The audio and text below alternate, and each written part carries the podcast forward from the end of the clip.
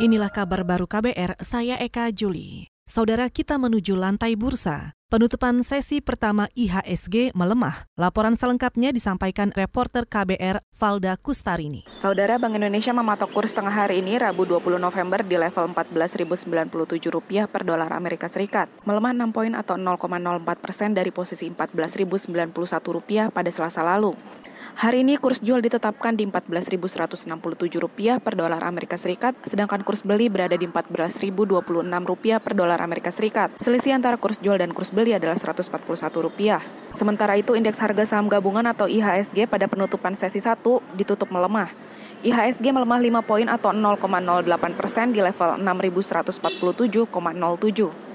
Sepanjang sesi 1, IHSG masih berada di zona merah dan berada pada rentang 6.123,59 sampai 6.167,41. Tadi pagi IHSG dibuka melemah di level 6.136,25. Mengutip dari bisnis.com, tim riset Samuel Securities Indonesia berpendapat IHSG diperkirakan akan bergerak flat menantikan keputusan suku bunga Bank Indonesia atau BI. Dari Bursa Efek Indonesia, Sudirman Jakarta, Valda Kustarini, KBR. Kita ke Rembang. DPRD Rembang curiga penawaran rendah dalam lelang online. Selengkapnya disampaikan Musyafa, reporter Radio R2B Rembang. Komisi 3 Bidang Pembangunan DPRD Rembang, Jawa Tengah menyoroti banyaknya nilai penawaran pemborong yang tidak wajar dalam lelang online layanan pengadaan secara elektronik atau LPSE.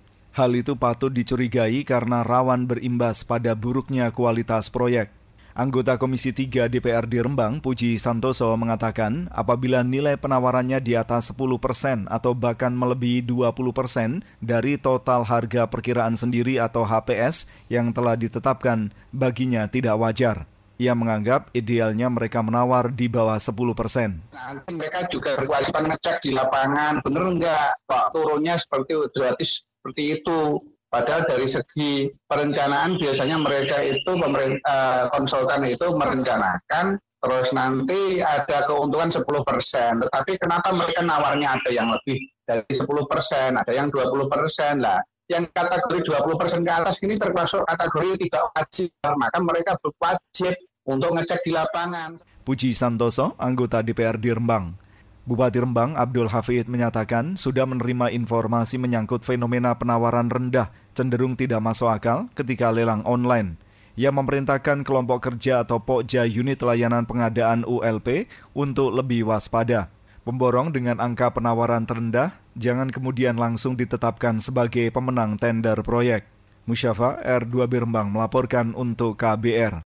Kita ke Papua. Belasan ribu murid di Wamena belum kembali ke sekolah pasca demonstrasi yang berujung rusuh pada 23 September lalu. Sekretaris Dinas Pendidikan Kabupaten Jayawijaya, Papua, Bambang Budiandoyo menyatakan 10 ribu lebih murid dari 60-an sekolah terdampak belum aktif ke sekolah tanpa keterangan. Kata dia, murid yang aktif bersekolah kini 7 ribu lebih. Kita update data kemarin untuk guru itu per 11 November kemarin dari 9, 971 itu kita hitung termasuk ASN dan guru honor ya. Yeah. Iya. itu yang hadir baru 630 dari TK, SD, SMP, SMA, SMK. Jadi 65 persen lah. Hmm. Kita tidak menghitung secara rinci ASN-nya berapa, honornya tidak rinci tenaga karena kita berpikir tenaga pengajar yang Sekretaris Dinas Pendidikan Kabupaten Jayawijaya Papua Bambang Budiandoyo juga mengatakan setiap pekan ada penambahan kehadiran siswa dan guru di sekolah. Para guru tengah mendata siswa yang terdampak kerusuhan.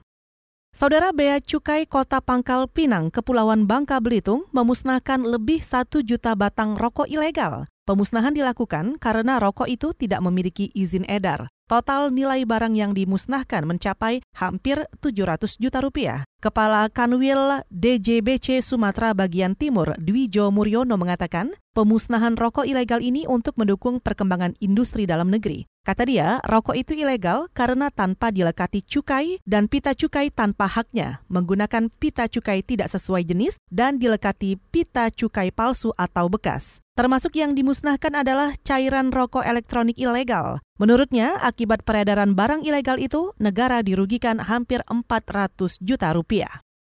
Saudara Kanada menjadi negara pertama yang mencapai perempat final Davis Cup dengan format baru. Kanada melaju setelah mengalahkan Amerika Serikat untuk pertama kalinya pada pertemuan ke-16 Selasa waktu setempat. Pemain peringkat 150 Vasek Pospisil memberi timnya awal sempurna dengan menyelesaikan tugasnya menggenapi dua kemenangan dari dua laga dalam grup F. Kanada benar-benar berada di tempat terbaiknya dalam sejarah tenis. Sebanyak 18 negara ambil bagian di La Chaga Magica. Mereka dibagi menjadi enam grup dengan juara grup dan dua runner-up terbaik maju ke perempat final pada Kamis dan Jumat waktu setempat. Saudara demikian kabar baru, saya Eka Juli.